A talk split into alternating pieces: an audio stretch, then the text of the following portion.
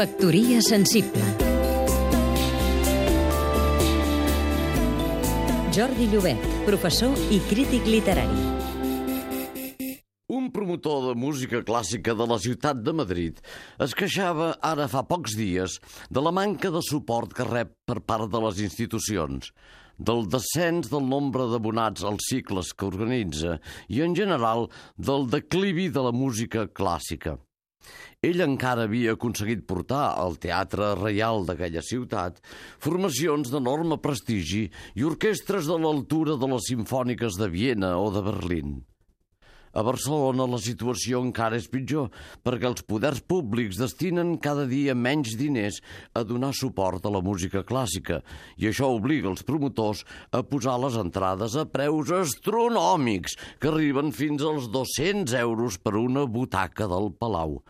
Una família amb pocs recursos, formada per pare, mare i tres fills, haurien d'esmerçar tot el sou d'un mes per poder assistir a un d'aquests concerts.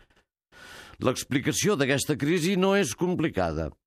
D'una banda, la classe burgesa, que era més poderosa a Barcelona que a Madrid, ja no creu que assistir a concerts de música clàssica al Palau o al Liceu sigui un signe de distinció ni el lloc ideal per fer-hi negocis, com havia estat el cas fa només 20 anys.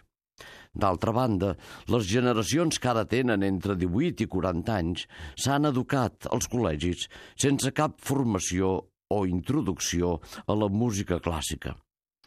Sumant-ho tot, podem pensar perfectament que el concert tradicional en sales amb lluïment estan condemnats a desaparèixer. Factoria sensible